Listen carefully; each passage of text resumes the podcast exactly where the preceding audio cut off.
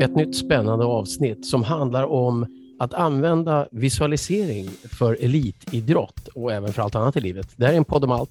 Ett mentalt äventyr och jag heter Ulf Sandström. Jag heter Fredrik Presto. Ja, eh, redan Ingmar Stenmark på sin tid, eh, han gick ju alltså upp för skidbacken med skidorna på ryggen och föreställde sig, alltså i fantasin då, hur han åkte det här loppet perfekt. Så redan han hade börjat med den här visualiseringstekniken. Lars-Erik Unestål, han eh, satte folk att eh, sitta och titta på människor som utövade olika idrotter och visualisera att de gjorde samma saker, fast de inte hade några som helst kunskaper om just de här idrotterna. Och sen så när de fick prova att börja göra det så var de klart bättre än de som hade övat med en coach. Ja, exakt. Det är så fascinerande. Så alltså, fantasin är lite grann av en superkraft och, och det, det, finns ju, det, det, är någonting vi alla kan använda. Om, vi, om, om, du ska göra någonting och du vill, det här vill jag lyckas med, det här vill jag göra riktigt bra.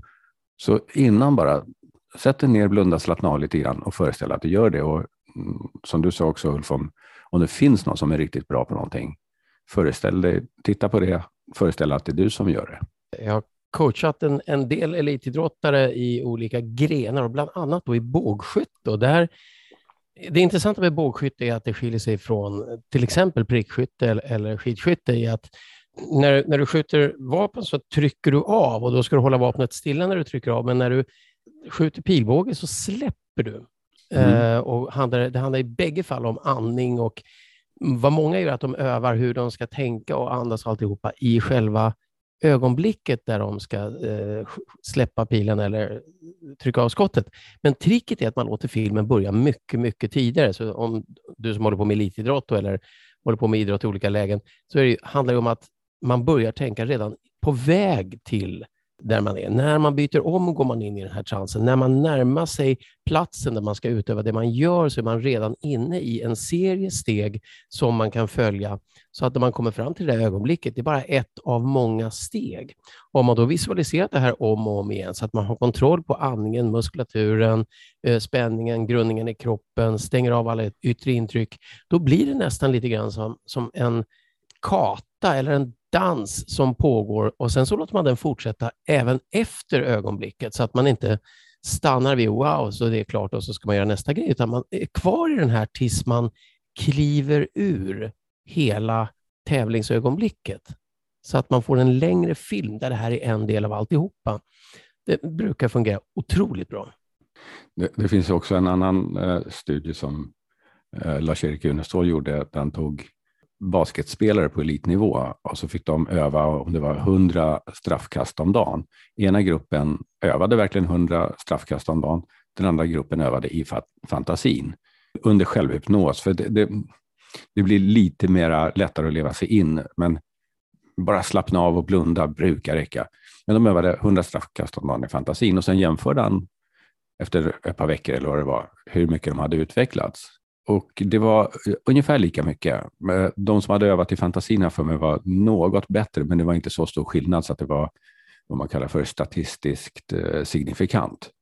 Det man kan sluta sig till är att visualiseringen, fantasin, det Une Ståhl kallar för det mentala rummet, som vi kallar för en hypnotisk trans, ett hypnotiskt meditativt tillstånd. Där går du in och då, på olika sätt kan du alltså antingen, som Fredrik sa, visualisera någon annan eller dig själv när de har gjort det rätt och bra.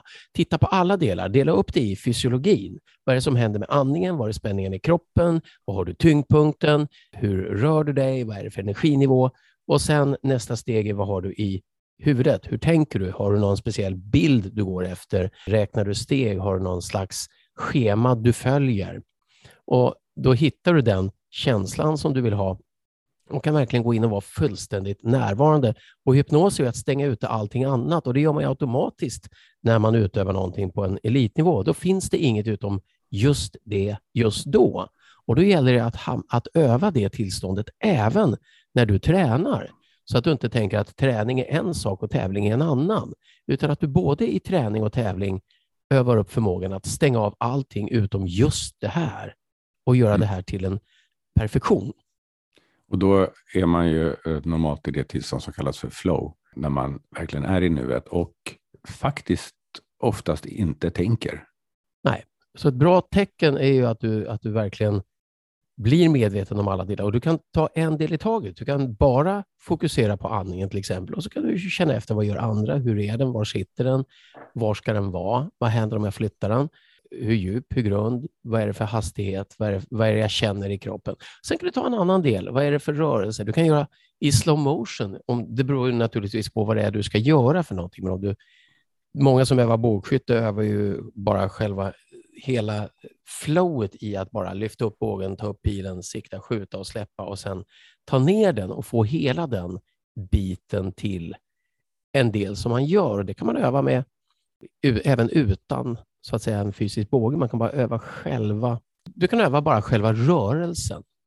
Det är ju så att hjärnan bygger saker på olika ställen och när du lär dig cykla eller köra bil till exempel, först gör du det med intellektet. Och sen så får du ner det här i den delen av hjärnan som har, jag tror att det heter procedural memory, där, där du har en förmåga. Och den delen av hjärnan den kan utföra saker även om du tänker på annat. Så att när du kan köra bil utan att tänka på att du kör bil, då har du fått ner det på den nivån så att säga. Och det är dit du vill flytta alla de här sakerna så att du kan utöva det du vill göra på elitnivå utan att tänka. För när du börjar tänka, då saktar du ner hela maskinen. Precis, det är också det som kallas för eh, omedveten kompetens.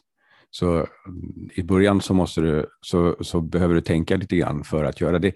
I och för sig, eh, om vi tittar på Tim Galloway eh, in the Game of Tennis, så han lär folk spela tennis utan att tänka, eller rättare sagt distraherar det medvetna tänkandet så att de bara gör rörelserna. Och det funkar briljant bra. Alltså. Och det han också säger det är att, att uh, trial and correction, att man, man gör och så rättar man till, man gör och rättar till, man gör och lär ja, sig. Och men grej, grejen är att man gör det inte medvetet, så man tänker inte, nu gjorde jag fel så här, då rättar jag till det. Utan han menar att det är en automatisk process. Om du bara vet vad du vill, du vill lära dig spela tennis och distraherar det medvetna tänkandet så kommer kroppen eller vårt omedvetna eller vad vi nu kallar det för, göra det här. Testa, rätta till, testa, rätta till. Och I det ligger också lite grann av det som, som hänt, har hänt med många mentala träningar inom många idrotter, att man, när man jobbar med lagsport, både lag och individuellt, så tänker man bort var man ligger till. Man tänker inte vad har vi för poäng, hur mycket är det kvar, vad ligger jag i säsongen? För alla de tankarna distraherar och har inte att göra med det du gör för ögonblicket, utan när du är fullkomligt i flow och närvarande, då gör du det som du gör på det absolut högsta bästa nivån du kan just nu och inget annat spelar någon roll. Inte ett dugg vad, hur det går i helheten eller säsongen eller karriären eller alltihopa, utan det är just det här ögonblicket som ska vara på sin absolut yttersta nivå, mm. det vill säga så bra det går med hänsyn till allt. En annan grej som är intressant tycker jag är att man, olika tjänster spelar olika roller. I The Upside of your Dark Side, en bok som jag brukar rekommendera, så skriver de bland annat då om att olika känslor är, kan man hämta resurser ur i olika delar av någonting. Så att till exempel maratonlöpare är ett exempel i boken där de säger att i början så handlar det om att få en bra start. Det är ett känslotillstånd, ett state, prestationstillstånd. Sen handlar det om att hamna i en lunk, ett flow där du ligger utan att överprestera så att du kan hålla högsta möjliga hastighet under en lång tid. Men i upploppet i slutet, där kan man hämta resurs ifrån till exempel någonting man är förbannad på, man är lite arg. Eh, då kan, man, då kan man använda den biten just i den sista delen mm. Eh, för att få den här extra kraften. Ja. Yeah. Ja. Du som håller på med elitidrott, det finns massa olika avsnitt i den här podden, som över 200 avsnitt, där många handlar om att hitta just de här olika tankenycklarna och stegen som behövs. Och sen finns det mer specifika och massor med bra böcker naturligtvis om mental träning. Men nyckeln är alltid att inte överprestera så att man går för långt och inte underprestera, utan att hitta den här maximala sköna prestationen som, där allting funkar och är på plats, som man övar in steg för steg i slow motion, fort, långsamt, i fantasin, visualisering och sen omsätter i verklighet. Mm.